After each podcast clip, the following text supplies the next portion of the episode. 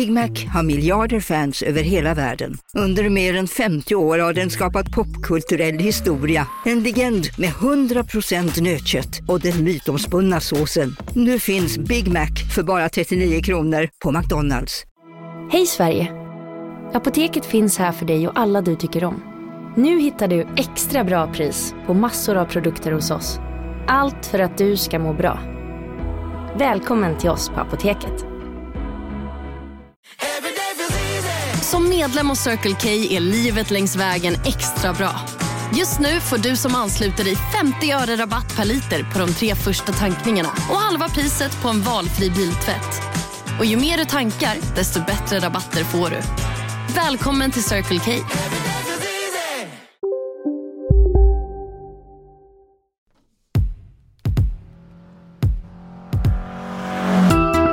Laddad fläsksuv, draghäst på etanol, bilråd om fräsiga små elbilar och strömlinjeformens historia. Det är vad vi kommer att bjuda på i Vi Bilägares podcast avsnitt 234.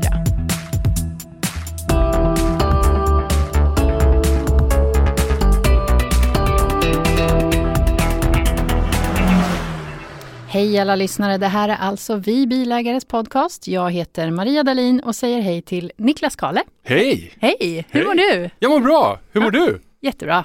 Taggad. Härligt. Som vanligt. Ja. Trevligt att ha en gäst i studion. Ja. Det är inte ofta vi poddar med dig. Nej, men rätt vad det är så dyker jag upp. Ja. Det är vi glada för. Ja, det är bra. Claes Skarin, hej på dig också. Hej hej! Och det är bra med dig med? Jajamän. Bra. Eh, vi har ett fullspäckat avsnitt som ligger framför oss som en vidsträckt väg. Eh, så vi kör väl igång direkt. Det där kändes väldigt inövat. Som en vidsträckt väg. Hur sjunger man? Every day is a wide... Everyday is a hustling brukar jag. Okej, det beror ju på inställning där då kanske. Hur man ser på saker och ting.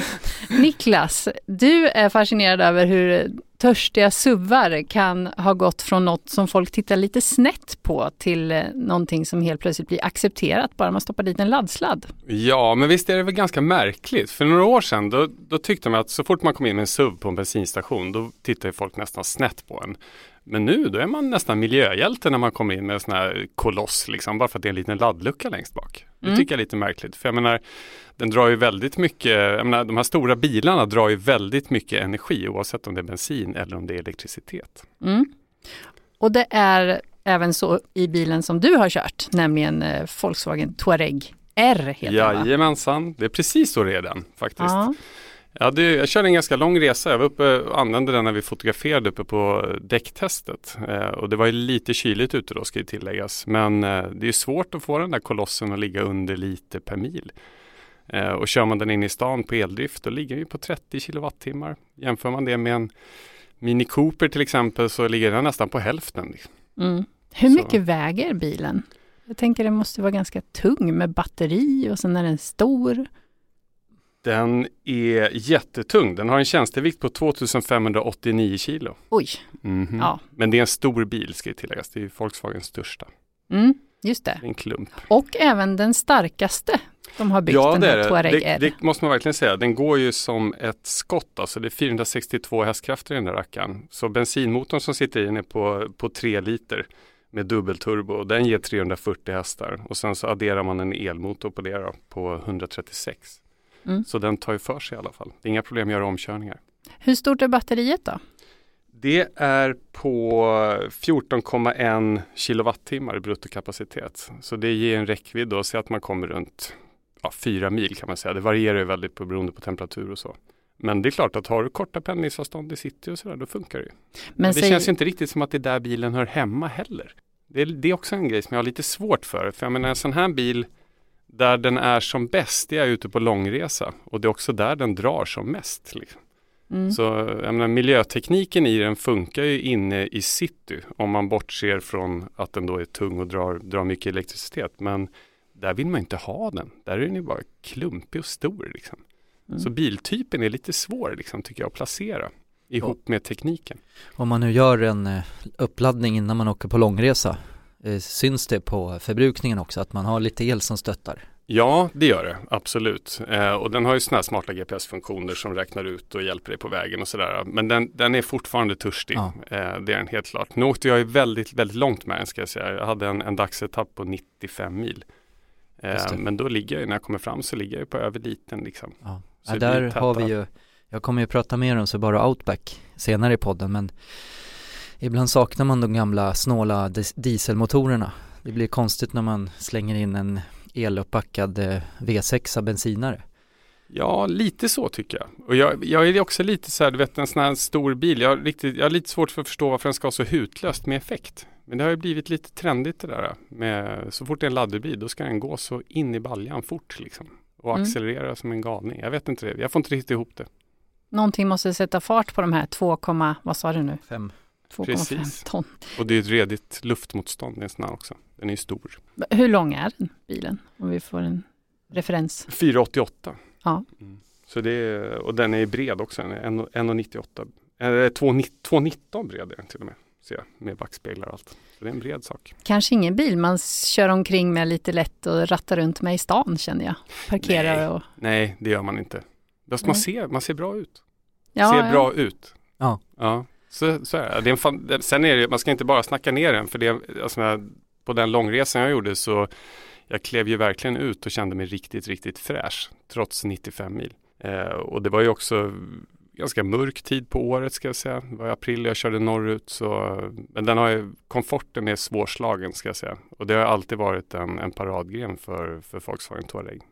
Den har väl ganska mycket tekniska finesser som hjälper till att eh, hålla en just eh, utvilad och fräsch efter en lång resa. Absolut. Och det här ingår väl även på grundinstegsnivån? Kan du ge Yes, några exempel Den är på? jättevälutrustad från, i, i grund. Eh, sen ska man tillägga att bilen kostar ju 856 900 kronor. Men den har ju alla säkerhetssystem du kan tänka dig. Den har eh, Volkswagens de här adaptiva Matrix-ljusen som nog är några av de absolut bästa jag har testat.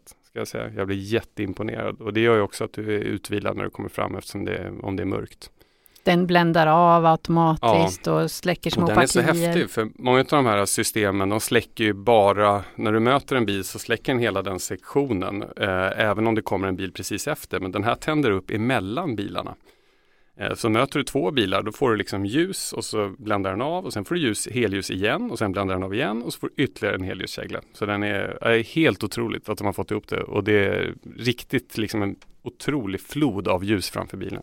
Och det gör att det är väldigt mycket behagligare att köra med. Fick du, när du körde i mörkret där, fick du några helljusblink eller något sånt där att folk eh, tyckte att, eh, fick intrycket av att du bländade eller funkade det? Det funkade. Det gjorde det? Hela tiden funkar det. Så jag ska säga, jag skrev det i artikeln också att jag har nog aldrig kört ett par, ett par bättre med ett par bättre lampor än vad som sitter på, på Touareg. Mm. Och det är standard på den. Så den, jag ska säga att den är väldigt, väldigt rustad från början. Om man jämför med, det är samma plattform, eh, MLB Evo, som eh, de även byggt Porsche Cayenne och Audi Q7 och Q8 på. Och om man jämför med vad du får för, eh, för utrustning i den här kontra kusinerna då så är den här, eh, ja då är den ju prisvärd ska man säga. Den här är väldigt, väldigt rustad från, från start. Hur är det med förarmiljön? Jag såg en bild på en massiv skärm där, infotainmentskärm. Ja, det ser nästan ut som en, en, en tv när man sitter i bilen Ja. faktiskt. Den är, den är jättestor eh, och den sitter i mitten och jag har generellt ganska svårt för, för skärmar i bilar. Jag, jag gillar fysiska knappar. Eh, jag tycker att man, då vet man var de sitter och man, man behöver inte titta ner när man ska justera. Det här har vi ältat fram och tillbaka hur många gånger som helst. Men eh, i den här bilen så har de faktiskt löst det ganska bra för du kan bygga genvägar i startskärmen. Du har möjlighet att lägga upp en hel drös med genvägar. Eftersom skärmen är så pass stor så blir också knapparna ganska stora. Eh, så det är lättare att bara titta i ögonvrån så ser man dem där hela tiden. Så jag tycker faktiskt att det här är en av de bilar jag har kört där skärmlösningen fungerar bäst. Ska jag säga. Eh, Även för klimatanläggning och det tycker jag är helt okej. liksom. Även om jag hade kanske velat ha några till fysiska bred. Men jag tycker att det funkar bra. Eh, För att vara en skärm så funkar det och det kan man nog tacka storleken för tror jag. Och sen att det kanske är lättare att knappa på skärmen också om man har bra fjädring så att fingret åker dit det ska så Eller- att det inte eller hur? studsar upp och ner. Som Visst det är det så. Ja. Absolut. Den här har ju luftfjädring som standard också. Så den är väldigt bekväm också på vägen. Tyst och bekväm. Bra Ja. på alla sätt och vis. Förutom- Förutom det där med förbrukningen. Exakt. Ja, visst. Vågar man ge sig ut i uh, spenaten då? Hur är det med fyrhjulsdrift och sånt där? Den här har konstant fyrhjulsdrift har den ju. Men de har ju, jag menar Touareg har alltid varit en bil som har varit känd, eller i alla fall de första generationerna som var känd för väldigt bra terrängegenskaper. Mm. Eh, och där är väl inte riktigt den här. Du har ju inte möjligheter att låsa diffar och hela den här biten som du hade i den första, inga lågväxlar och sånt där. Så en del har man ju tagit bort. Men å andra sidan, jag vet inte hur många är det som köper den här typen av bilar som dansar ut på en åker liksom. Jag vet inte. Så länge man kan ta sig loss med ett, ett hästsläp eller Mm. någonting sånt så, är- så är det väl okej, tänker jag. Mm. Men då undrar man ju såklart, vem är det som kommer köpa den här bilen? Vem är köparen?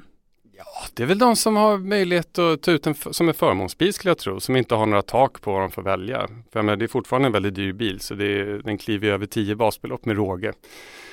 Eller så är det väl ja, välbeställda människor som kanske behöver en bil som har kort pendlingsavstånd, kan köra på el in till jobbet och kanske drar en båt eller ett hästsläp eller någonting på helgen och behöver fyrhjulsdriften. Den får ändå dra upp till 3500 kilo om man har körkort för det. Då. Så det är, en, det är lite av en arbetshäst ska man väl säga. Ja. En välpolerad arbetshäst. Att Touareg är en törstig SUV kan ju bero mycket på vad den har för eh, luftmotstånd. Det är ju en ganska stor bil. Stämmer. Och just det ska det handla om nu. Det blir nämligen droppformat, spoilers och jakten på marktryck när Kalle Karlqvist, allas vår sagofarbror, läser detaljens historia om aerodynamik. Aerodynamik är en avancerad vetenskap som spelar avgörande roll för hur vi förflyttar oss effektivt. Den förändrar utseende och funktion hos såväl flygplan som bilar. Och med allt mer ökad kunskap så har luftströmmar avslöjats och tämjts för högre fart och lägre förbrukning, lägre vindbrus och högre komfort. Lyftkrafter har motverkats, marktryck har ökat och stabiliteten har förbättrats, bland annat. Ta en kluven vattendroppe. Ur aerodynamisk men inte praktisk synvinkel så har den en snudd på idealisk profil för en bilkaross. Luftmotståndskoefficienten är cirka 0,15 medan dagens bästa bilar ligger kring 0,20. Ju lägre värde desto bättre. Det totala luftmotståndet, ja det omfattar ju inte bara luftmotståndskoefficienten utan också frontareans storlek på exempelvis bilkarossen. Så för att det ska bli effektivt när det gäller att klyva luften så krävs en helhet. Man började snabbt experimentera med aerodynamiska bilar redan runt förra sekelskiftet. En snabb bil skulle enligt den tidens ideal se ut som en cigarr. Belgaren Camille Genazzi han blev först med att passera 100 km i timmen med en bil. Det skedde faktiskt i en elbil. Det var en elbil av märket Citan och numret på den var 25 och den kallades för La Jamais Contant. Den aldrig nöjda. Ojenatsi ansåg visserligen att fortkörningarna en dag skulle ta livet av honom men han jagade vidare i sitt plåtrör trots att det var så farligt. Även droppformen förekom under tidigt 1900-tal, inte minst genom ungraren Paul Jarrets skapelser. Hans bilar var höga, smala och trånga, men flera tillverkare nappade på de här idéerna och gav ut försök på temat. Audi, Mercedes-Benz och Opel till exempel. Och för några år sedan så byggde Audi en replika på en Jarret-bil och införlivade den i sina historiska samlingar. Den kanske mest fulländade droppformen fanns på den märkliga tyska Schlörwagen som visades upp på Berlin Autoshow 1939. Den byggde på en svansmotorbil från Mercedes-Benz kallad 170H och hade en luftmotståndskoefficient som bara var på 0,11. Den 210 cm breda karossen omslöt hjulen där det annars är svårt att få bukt med luftströmmar. Det blev bara en prototyp och den är försvunnen. Men det ryktas från Tyskland alldeles nu att man håller på att konstruera en exakt kopia av bilen. Schweizaren Wunibald Kamm han kapade den här droppens bakdel på sina konstruktioner och fick fram en grundform för bilkarosser som fortfarande lever på miljoner och åter miljoner bilar. Alltså den med ganska tvärt avhugget bakparti. Kams uppfinning eller ritning gjorde att man plötsligt kunde kombinera aerodynamik och praktiska egenskaper. Så på 1930-talet så experimenterades det friskt både bland enstaka entusiaster och bland storföretagen. Vi har Rust Heinz till exempel. Han hörde till en ketchupfamilj med bekant efternamn. Han hade gott om pengar och han lät bygga om sin framhjulsdrivna framtidsbil Cord 810 till en skapelse som kallades för Phantom Corsair. Karossen på den såg ut som en mussla och antogs vara mycket aerodynamisk. Men eh, var den egentligen det? Det vet man inte. Det är ingen som har mätt och kollat, men den ser aerodynamisk ut. Chrysler och DeSoto, som hörde till samma koncern, skapade med sin modell Airflow mycket uppmärksamhet. Den hade både självbärande konstruktion och mycket aerodynamiska linjer när den debuterade 1934. Köparna de var tveksamma till den här nyheten. Den såg väldigt modern ut, kanske allt för modern. Och 1936 så fick DeSoto lägga ner sin bil. Året därpå Chrysler också. Och det byggdes bara ungefär 30 000 stycken. En droppe i havet sett till USAs bilproduktion. Men Volvo hakade på och skapade 1935 en snarlik design med sin Volvo PV36. De kallades också för Carioca. Carioca var en sydamerikansk dans som ska ha varit populär vid den här tiden. Men det gick inte bra för Volvo heller. De fick lägga ner produktionen av PV36 efter bara ungefär 500 exemplar. I öststaterna så fanns eh, tjeckiska Tatra. Eh, de kom med modellen T77 och eh, efterföljande modeller till den var ju aerodynamiska underverk. Det kan man se bara genom att titta på karossen. Sen kom förstås Citroën med DS och framåt, GS, CX, även XM och vår egen Saab 92 från slutet av 40-talet hörde också till toppskiktet i aerodynamik. Päronhalvan som den kallades hade ju formen av en flygplansvinge i genomskärning och påminde också om en halv vattendroppe. Under 1950-talet och framåt så var det mycket hittepå aerodynamik bland tillverkarna. Raketålderns amerikanska fenor på bakskärmarna och allmänt tingeltangel gavs ju fantasifulla namn men någon riktig aerodynamisk förbättring det betydde de väldigt sällan. I racing däremot, där är aerodynamik A och O och har alltid varit det. Formel 1-säsongen 1968-69 till exempel, då experimenterade alla deltagare i Formel 1-VM med stora vingflak på ställningar högt ovanför karosserna, både fram och bak, för att skapa så mycket aerodynamik och marktryck som möjligt. Men 1970 så kom Lotus med sin modell 72 med en skenbart enkel kilformad kaross och ställde allting på ända. Den hade knappt några vingar alls. Och dagens F1-bilar, ja de byter ju skepnad ner på mikronivå mellan loppen för att passa nästa bana. Där är det små, små detaljer som gör det. Och på 1970 och 80-talet då var det många enskilda bilister som tyckte att jag kan väl göra min bil aerodynamisk på egen hand. Så lika aningslöst som förhoppningsfullt köpte man bakluckespoilers att klistra fast, man monterade racingbackspeglar att titta i och man satte flärpar på vindrutetorkarna för att öka trycket mot vindrutan. Garanterat. Och sen fanns det ju symbolik i det hela också.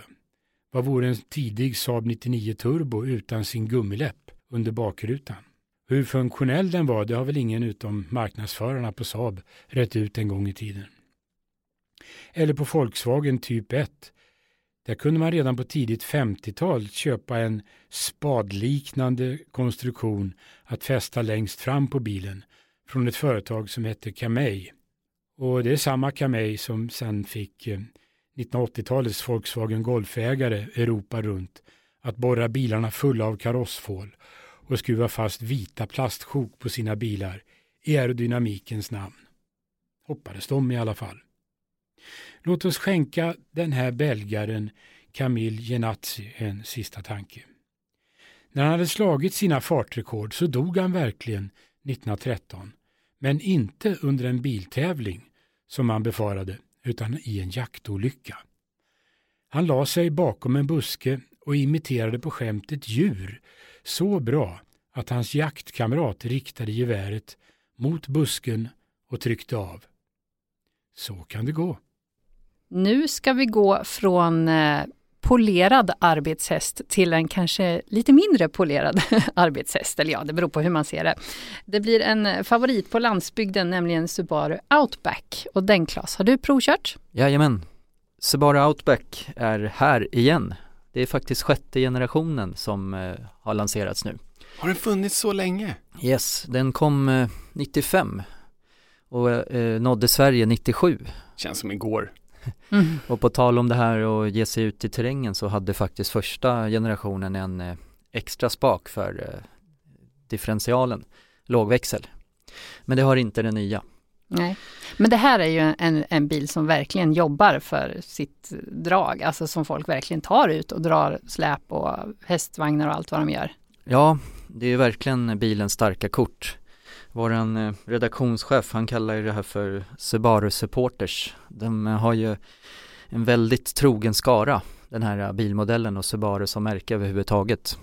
Jag sitter ju med Autoindex över året och de är ju otroligt upp, de uppskattar sina bilar och är jättenöjda med allting som Subaru kan erbjuda när det gäller bilhandel, märkesservice och bilens kvalitet och egenskaper.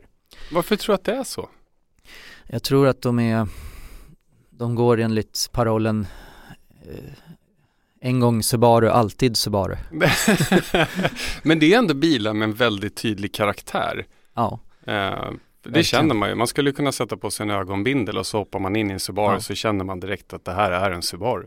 Jag kan ju säga det också att eh, vi har ju hårdtestat den här bilen eh, och det kommer ju i eh, ett kommande nummer av bilägare. Just det, den sätts mot vilka bilar är det Ford vi testar mot? Kuga E85 etanolkonverterad och Skoda Octavia Scout. Och när vi pratar om etanol så är det faktiskt en av de stora nyheterna med just sjätte generationens Outback. Problemet tycker jag efter att ha kört den här bilen en vecka det är ju att drivlinan är ganska föråldrad. De rensade ganska kraftigt förra året Subaru i Sverige eh, i modellprogrammet. Så nu erbjuder de ju endast XVn, Forester och Outbacken. Och de hade ju Legacy och Levorg tidigare. Men nu är det bruxiga terrängbilar som gäller. Outbacken har inte det här e-boxer-tillvalet med en liten elmotor som assisterar utan den får klara sig helt med en eh, sugmotor, 2,5 liters bensinare utan turbo alltså. Och den är ganska trött, 169 hästar, törstig och släpper ut en hel del eh, koldioxid tyvärr. Vi hade ju det där, alltså Subaru och hög förbrukning, det är väl någonting som, jag, menar, jag kommer att vi klagade på det när vi hade Levorgen i, i långtest också. Det är många Subaru vi har kört där vi har noterat en ganska hög förbrukning. Ja, och boxertekniken har ju det dilemmat att den, eh, de dricker en del. Så man det skaver lite som jag skrev i eh, provkörningen. För det, bilen är, jag skulle säga fantastisk eh, i, eh, när det gäller åkkomfort eh, och rymd och eh, eh, sittkomfort i bilen. Det, den har väldigt många styrkor. Då känns det tråkigt att de inte har lyckats eh, ja, utveckla en modernare drivlina. Men, eh, är det då, så att de har fastnat i sin boxermotor? Att de liksom bara, den har blivit så synonymt för dem. Så att nu kan de inte gå någon annanstans med den heller. Och den kanske inte går att göra snålare, jag vet inte. Ja, de är ett litet märke. De samarbetar med Toyota. Eh, de skulle ju komma med någon ny, eh, de har en elbil Solterra på gång som skulle släppas till Tokyo OS tror jag. Men den är, nu, det är försenat och de har sagt slutet av nästa år. Men en elbil är ju inte målgruppen för en, för en outback. Och jag funderade ganska mycket på det där när jag satt bakom ratten liksom att ska man åka långt, mycket glesbygd, långa avstånd och man drar kanske testsläp eller en båttrailer då blir det lite svårt där. Vi pratar ju om Touaregen. Men eh, jag tror inte att den här målgruppen söker sig efter en el elsuv.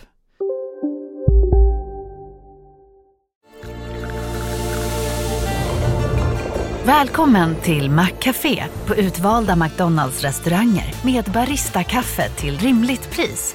Vad sägs om en latte eller cappuccino för bara 35 kronor? Alltid gjorda av våra utbildade baristor. Hej, Synoptik här. Hos oss får du hjälp med att ta hand om din ögonhälsa.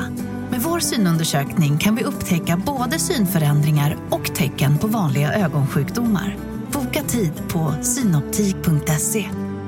Hej, Susanne Axel här. När du gör som jag och listar dig på en av Krys vårdcentraler får du en fast läkarkontakt som kan din sjukdomshistoria. Du får träffa erfarna specialister, tillgång till lättakuten och så kan du chatta med vårdpersonalen. Så gör ditt viktigaste val idag, lista dig hos Kry. Eh, Man vill ha räckvidden och eh, dragförmågan och man, som en, en laddhybrid ger inte heller så många fördelar. Det blir bara en försämrad dragvikt.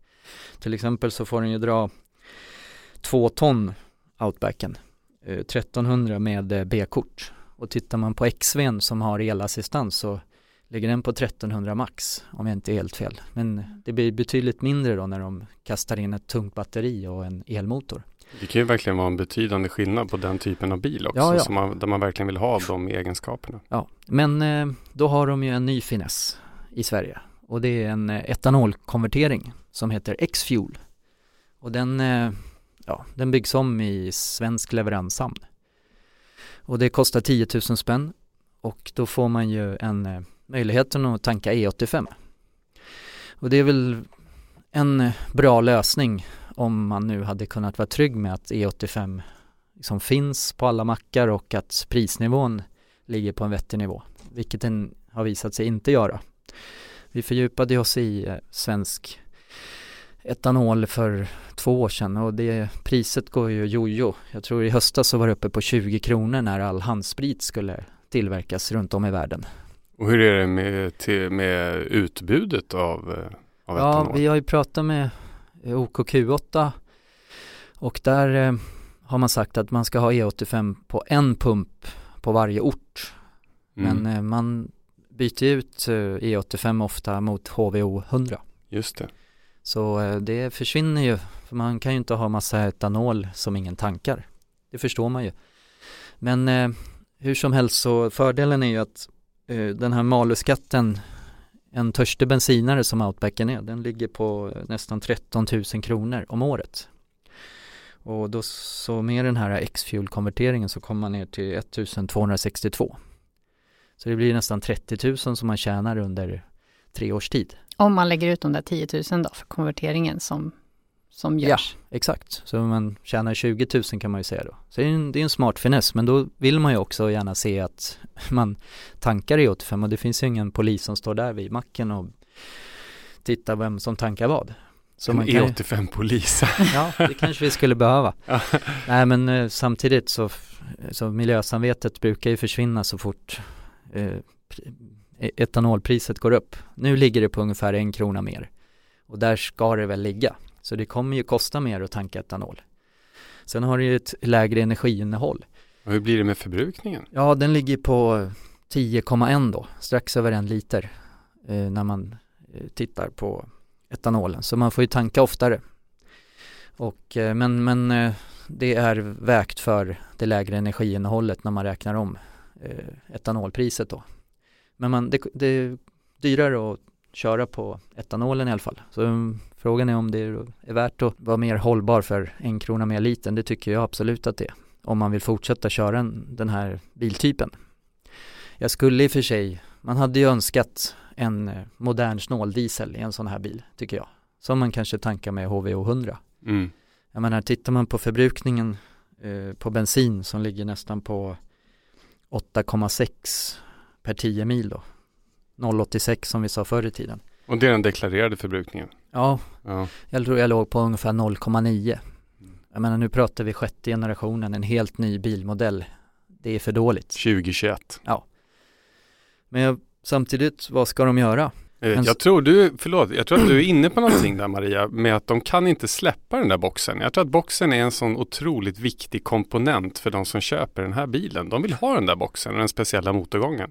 Så skulle de ta bort den där, då tror jag att det skulle bli jobbigt för dem. Det finns en massa roliga saker att berätta också om, om den här bilen. Jag tycker framförallt att den är väldigt prisvärd. Alltså vi pratar eh, Touareg nyss. Eh, den här är ju stor, eh, Outbacken. Den Ja, jag tänkte på den när den stod nere i garaget. Den är ju jättehög Ja visst. och stor. Den har växt på alla bredder. Man kan ju tycka att den ser väldigt lik ut den gamla Outbacken. Fast med lite mer terrängplast runt omkring. Men de har faktiskt ändrat väldigt mycket karossplåt. Och den har växt eh, ja, i princip 5 cm på längden, 3,5 cm på bredden och den har även blivit 7 cm högre. Vad blir det för markfrigång då? då? 21,3 cm. Och det Och är hur, bara, hur lång är den? ja, den är nästan lika lång som Touaregen. 4,87 Ja, en Meter. centimeter skillnad. Ja. och eh, det är lite roligt. Jag jämförde med XC60 och XC90. Den är bara, den var 2,5 cm lägre markfrigång än en XC90 Ja. och eh, en millimeter i och för sig, det är ju i princip samma som XC60. Mm. Men då lär det ju få plats mycket i eh, bagageutrymme. Vad Ja, jag, kan man lasta? den, de gjorde inget jättenummer av det så bara, så där får vi nästan anse att det är oförändrat. Okej. Annars brukar det stå i pressmeddelandet. Annars, annars berättar de det. Precis, jag hittade inga siffror om det men eh, Jag tänkte eftersom den ändå hade växt på längden och bredden och ja, allting. framförallt är det baksätet som är fantastiskt Ah, okej. att sitta i. Mm. Inte så här super, superb eh, extremt där man känner att man har, sitter i någon slags limousin. Men det är, det är otroligt fina innerutrymmen i bilen. Och huvudutrymmet måste ju också vara bra bak där. Mm. Den är väldigt hög och Ja. rak i karossen så över baksätet. Och sen, eh, japanerna är ju lite roliga. Man tittar på Toyota Land Cruiser till exempel. De kan ju gå loss när det gäller sådana här konstiga gränssnitt på mediaskärmen. Men här har ju Subaru hittat ett nytt gränssnitt som är ganska intressant. Känns nästan lite så här äh, retro tv-spelskänsla över hela grafiken. Jag tror japanerna, de gillar det där lite annorlunda. Det känns lite befriande att slippa det här tyska korrekta. Det är lite roliga färger och ikoner sådär. Utan att bli konstigt. Japanerna har ju många gånger haft dille på att utveckla grejer själva också. De vill inte ta hjälp av underleverantörer. De sätter ju prestige i det där Ja. liksom. I att utveckla navigationssystem och ibland blir det bra, ibland blir det inte så bra. Nej men eh, lite kanske överinformativt tycker jag. De, eh, det är extremt mycket information. Men när man har kört bilen några dagar så börjar det mesta sätta sig. Men jag tyckte att gamla Outback var så att det var väldigt plottrigt tyckte jag med Mm. knappar och det var, alltså, är det fortfarande så även fast det är Ja, pek? Det Levorgen hade vi också som eh, fotobil. Eh, Den var ju också så här hysterisk. Det var skärmar högt och lågt och det var massa konstiga grejer överallt. Men jag tycker att de har fått ihop det bättre nu. Sen, eh, de har ju sin permanenta fyrhjulsdrift ska vi säga. 60 fram, 40 bak. Det blir ju, jag körde en hel del grusväg när jag hade bilen. Och den ligger ju otroligt fint. Liksom bara, ja, det, den känns jättelätt att köra på alla underlag men den är ju härlig på grus. Klarar ta sig fram utan att liksom kasta runt stabilt och fint. Ett tryggt beteende så. Ja, verkligen. Jag tyckte den såg väldigt fin ut invändigt. Den såg väldigt påkostad, nästan lite lyxig ut invändigt. Och det, så minns ju inte jag våran långtest Levorg. Den var ju lite så här japanskt plastig. Mm. För, för att vara lite, uttrycka mig lite elakt. Men, men den där kändes lyxig. Ja, de har verkligen eh, snäppt upp sig i, i, i när det gäller inredningen. Och det kan man faktiskt nämna avslutningsvis här, eh, prisnivån på den här, den börjar på 375 000. 429 låg eh, toppspecen på. Och då får man väldigt mycket utrustning. Det är ju fortfarande rimliga pengar liksom. Ja, väldigt mycket bil för pengarna. Om man nu lovar då att tanka i 85. Men jag tror att X-Fuel-lösningen kommer säkert eh, passa många. De har den inte som standard. Man får välja den till. Jag frågade, jag tyckte alla bilar kunde monteras med X-Fuel i Sverige så att man vet att den går att tanka med etanol.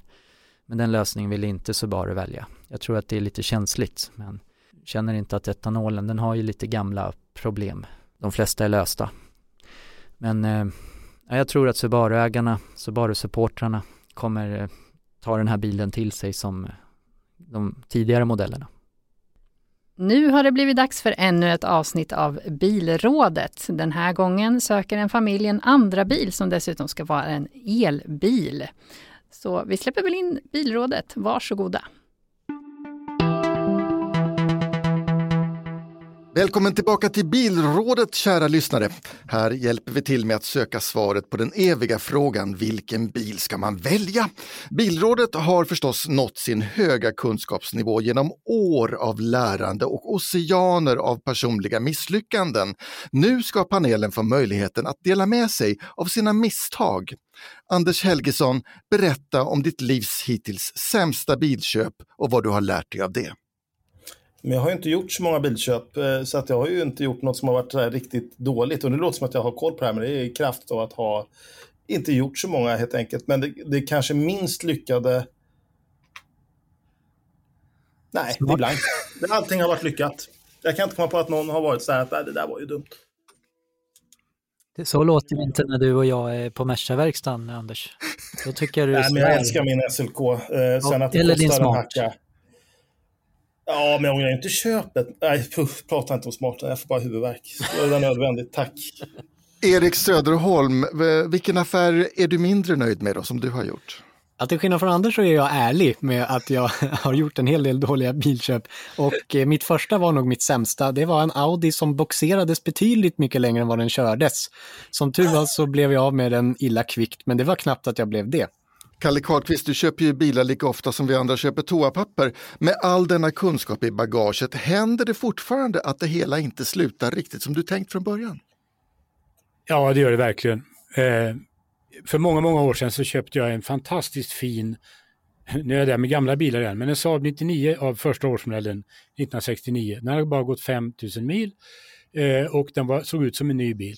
Eh, det är den enda framhjulsdrivna bil jag har haft som jag har kört sönder den stela bakaxeln på. Det är inte möjligt, Kalle. Jo. Applåd. ja, faktiskt. Det är både dig och Saben, för att säga. Ja. Prestation har vi båda tillsammans. Ja, Vilken teamwork ni hade där. Ja. Nils Svärd, berätta om ditt livs sämsta bilaffär. Eh, jag är lite som Anders, eh, jag har svårt för det här med ödmjukhet. Jag kan dra mig och skryta om att jag aldrig eh, sålt en bil med förlust. Jag har alltid haft dem ett år och sålt dem för mer än vad jag har narpat in dem på. Men det sämsta är ändå Skoda Octavia som jag köpte när jag fick mitt första barn. Jag tänkte köpa någonting förnuftigt och väldigt tryggt. Ekonomisk succé, men jag stod inte ut med varken buller eller fjädring och jag lärde mig någonting om det, att man ska alltid köpa den bil man verkligen vill ha. För alla bilar kostar mycket pengar i drift och då vill man ändå betala för någonting man, man verkligen tycker om. Så att den åkte ut efter ett år och jag köpte en Audi A6 istället. Klokt av dig. Claes Skarin, du har ju tidigare här i Bilrådet berättat att det, det, är din pappa som köper de flesta av dina bilar till dig. Är det någon gång som pappas kunskap kanske inte har nått hela vägen? Och han lyssnar inte på det här så du kan berätta ärligt. Ja, ja. Jag tänkte på mig själv när jag såg en mopedbil för några veckor sedan där det stod pappa betalar. en sån det skulle jag också vilja ha på min bil. Pappa betalar. ja, nej men eh, vad var frågan Tom? Har han, har han misslyckats någon gång? Eh, pappan? Ja, en gång faktiskt så fick jag en eh, Peugeot 306 där eh, växellådan eh, gav upp efter 1500 mil max. Det var, den funkade alldeles utmärkt men det var ju extremt jobbigt att bli av med den. Men, men, Utan växellåda, ja det kan jag begripa. Det var trasig koppling faktiskt. Okay. Och då fick jag se baksidan av Blocket när man säljer bilar under 5000 kronor. Det smsades dygnet runt kan jag tala om. Och föresl folk föreslog att jag skulle träffa dem i så Årsta partihallar efter midnatt. Så jag, nej, det kommer jag inte göra. Jag har så, inte sån panik. Och så slutade Eldro med att vi så, gjorde upp affären eh, i Fruängen på Lidl med 500 lappar på taket. ja, jag kan berätta mer om det. Men fick inget roligt bytesförslag, för det jag fick när jag skulle sälja den här Audin som jag var väldigt ja. nöjd med när jag skulle avyta den, då fick jag ett badrum i utbyte. Det var någon hantverkare som sa, men jag, jag kommer att renovera ditt badrum med att ta över Audin istället. Ja, ja. Och det känns det där var en riktigt konstigt upplägg. Liksom. När får han då bilen? Får han bilen när badrummet är klart eller ska jag ge honom bilen och sen hoppas att han dyker upp så småningom och fixar badrummet? Så det var ett väldigt spännande upplägg. Jag vet inte vad Filip är beredd att eh, betala i för form, men eh, han har i alla fall hört av sig till Bilrådet och bett om hjälp. Fredrik berättar för oss. Filip har upp till fyra barn tillsammans med sin partner. Antalet varierar lite, som det kan göra i moderna familjer. Det mesta av transportbehovet täcks av den sjusitsiga första bilen, men familjen har även haft en Skoda Fabia som komplement. Nu vill man byta ut Skodan mot en ny andra bil och man tänker sig en lite tuffare elbil, men till en vettig kostnad. Filip tänker sig att ta sin nya bil på privatleasing och är beredd att betala upp till 4 000 kronor per månad. Vad rekommenderar Bilrådet? Anders Helgesson, du får börja på den här. Kona Electric. Ja, klart. Varför då? Ja, men tuff elbil. Ja, det finns ingenting som är tufft för en, den där budgeten, så att, eh, det är klart där. Nu vill ju Anders bara försöka kompensera för att han var den enda som hade den som nummer ett i långteststallet för två år sedan. I sin slutranking, den här konan. Ja, men det är jättesvårt. Det finns inga tuffa elbilar för den där budgeten. Jag kollade faktiskt på begagnad Tesla 3 men det fanns ingen som erbjöd privatleasing. Men den kostar 6 7 eh, minsta möjliga. Och ja, då blir det ju tufft. Eh, Renault Twizy, skitfräck, men fyra barn i en Twizy kan bli svårt. Jag tror inte att alla fyra behövde åka samtidigt i och för sig, men... Ja, men jag, jag tror eh, Kona Electric ändå är den som... Eh, jag säger Kona Electric. Jag har inte så mycket mer att säga. Nej, nej, nej. Eh, Erik Söderholm. Nej, det håller jag inte med om. Jag tycker den ska vara tuff och rolig och så som jag sökte Ja, på Blocket. Nej, in, in, check på ingen av de punkterna. Däremot eh, finns det gott om andra. I senaste elbilstestet i Vi bilägare så är det ju en riktig godispåse med elbilar. Jag vill ju ha varenda en där, Mini och Fiat och Honda och allihop. Nu var baksätet viktigt och då har jag läst mig till att Honda E verkar ligga okej till. Ja! 3105 kronor i månaden är den på privatleasingkampanj, tre års fri service, det mesta ingår.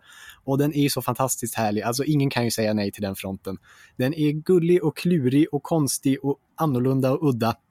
Och det är så roligt att den bara har blivit verklighet, när allt inte behöver liksom räknas fram i Excel på olika håll, utan den är bara härlig. Den tycker jag han ska välja. Kalle? Ja, jag skulle väl också välja Hondan bara om den gick att använda, men den har ju ingen räckvidd. Så att den får ju stå hemma så får man titta på den och tycka att den är snygg. Um, sen hade jag faktiskt, Anders, du och jag, vi tänker alldeles för lika i många avseenden. Nu har du snott kona. Uh, ehm, så att då har jag bara här nu på uppstuds kommit fram till en annan bil som ehm, den uppfyller, den är kanske inte så tuff. Eh, ni får ursäkta, det, det, tog mig 12 sekunder att hitta den här bilen här nu på uppstuds. Det här är noggranna journalister som är med i studion idag, det är härligt Ja, ja. Nej, men, Vi gräver inte så djupt. Nej, vi gräver inte så djupt. Men Nej, men det, det, det jag kommer ihåg av detta elbilstest, det viktigaste av det elbilstestet, det är ändå, tyvärr, är, är att förbli räckvidden, för annars kan man inte använda bilen. Och det är därför Kona är så bra. Men vi får ta en bil som har bra räckvidd, i alla fall hyfsad. Och som inte är någon av de där testbilarna då, så är det ju, det får bli en Opel Corsa E Ultimate som man kan få för 2999 kronor per månad. Förlåt Kalle, men jag trodde du skulle säga Mocka, den nya elsuven med svart huvud och grön Ja, det skulle man kunna göra i och för sig. Men som sagt, jag tog det här på uppstuds. All, bara det är Opel så är det Mm. okej. Nils? Ja, den är bra. Ja, den, Honda E är den första man tänker på i det här fallet, så jag tycker definitivt han ska åka och kika på en sån och fundera hur långt han behöver åka. Risken är att han vill åka lite längre än vad den erbjuder. Jag satt och funderade på eh, om man vågar man rekommendera ID3ans eh, ilskna kusin från Spanien, El Born.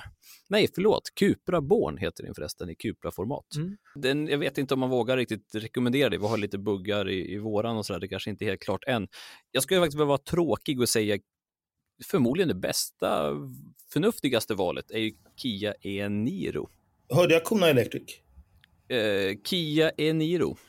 Alltså inte Honda E, utan Kia Ja, Niro. jag lutar ändå mot det, för den, de ligger ju ute nu på för 3300 kronor i månaden finns det kampanjer på med det stora 64 kW batteriet och då ingår ändå 1500 mil till skillnad från per år. Till skillnad Men från ser 1000 den verkligen annan. tuff ut? Jämför med Kona Electric nya, den är ju, den är i alla fall lite kul.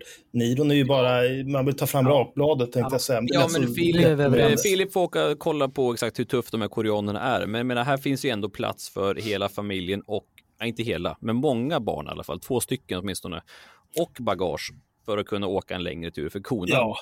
det finns ju ingenstans att stuva saker om man vill åka och på någon resa med fler än en person tyvärr.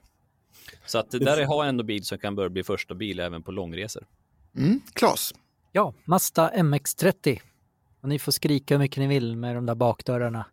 Men eh, jag tror att de har ju sin sjusitsiga första bil och nu klarar de sig med kort räckvidd, två platser, men de vill upp lite och de vill ha lite tuffare, lite cool inredning och väntar de lite kanske de till och med skulle kunna få den här vankelmotorn. Och då är ju inte räckvidden eh, något bekymmer överhuvudtaget. Har du hittat något pris på den? Vad kostar den? Den kostar 3000 kronor i månaden. Vilket är förvånansvärt billigt Mm. men ja. Ja, men 3 och 3, lägg på 300 kronor så får du lång räckvidd, bakdörrar, jättestort bagage och en... eh, Ja. ja men jag tänkte, jag Förmodligen förstår. det bästa valet man Det kan är göra. ett just nu. förnuftigt val men nu skulle de ju ha något som var lite tufft. Så att det, det får, jag tyckte den var riktigt läcker den här. Först tänkte jag faktiskt på en C40 Recharge. Den ligger på 8000, ja 7000 7800 kronor i månaden. Då framstår ju Mazda MX-30 som rena kapet. Så får man sommardäck på Mazdan och inte all season-däck som man får hos Volvo. Ja. Ja, kära vänner, jag är väldigt besviken på er. Ni har inte lyckats enas om någonting än så länge. Vi har fem stycken olika val. Är det någon som känner att de är beredda att kliva på någon annans alternativ? Nej, jag, jag är beredd på att attackera Honda E. Vi får inte glömma att den då är strikt fyrsitsig. Det är ändå upp till fyra barn, det innebär att det är sex personer. De måste i alla fall ha en femsitsig bil, så jag vill omedelbart stryka Honda E. Jag, tycker, jag tror de, det mesta av transportbehovet sköts ju av den här sjusitsiga jättebilen då, första bilen. Så jag tror inte det behövs. Och sen ska vi inte glömma Honda E's fantastiska tv-spelsmöjlighet som kommer, alltså barnen kommer ju älska den där bilen. Ja, och därför vill de åka med och då blir det trångt och då får de inte. Jag tror de Pappa bara ska har ha två barn för i taget. Eller mamma. Ja. Nej, nej, inte Honda E. Men jag, är- jag är inte benägen att flytta någonstans. Jag vidhåller, Kona Electric ser tuffare ut än Kia Niro. Sen kan Niro vara lite bättre bil, men den är inte lika tuff. Det är ingen fara, vi kan muta din mick också Anders. Det, det, finns Det kan ni göra. Lycka till med det. Ja.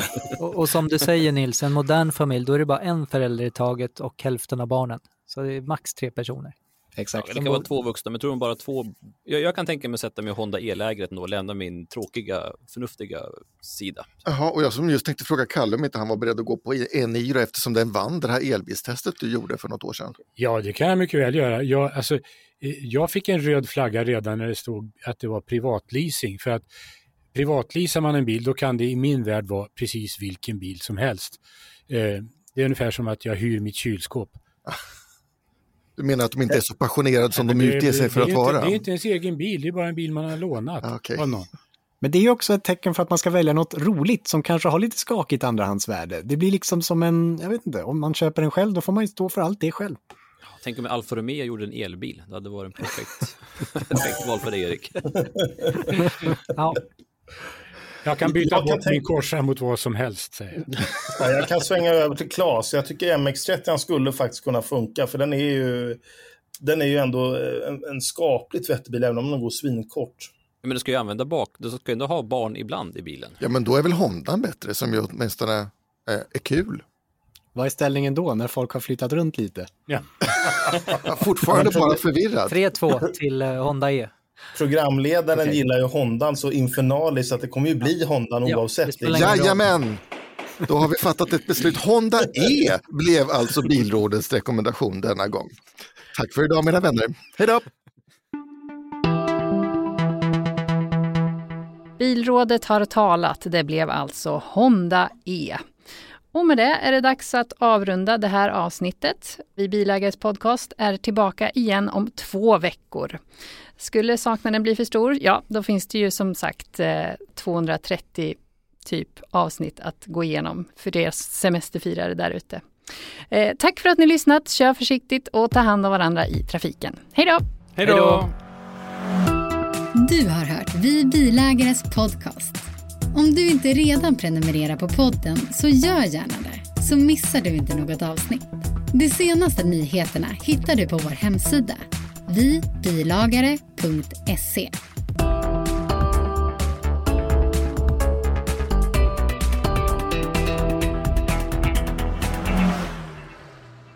Du har nu lyssnat på Vi Bilägares podcast, Sveriges bästa podd om nya bilar. Känner du dig nu sugen på något som är lite mindre aktuellt? Ratta över till Studio Klassiker, tidningen Klassikers podcast. Här diskuterar Klassikers redaktion allt som har med klassiska bilar att göra. Vi kör, vi mekar, vi våndas och vi skrattar. Sök efter Studio Klassiker där poddar finns. Du kan också hitta Studio Klassiker på www.klassiker.nu podcast. Vi hörs!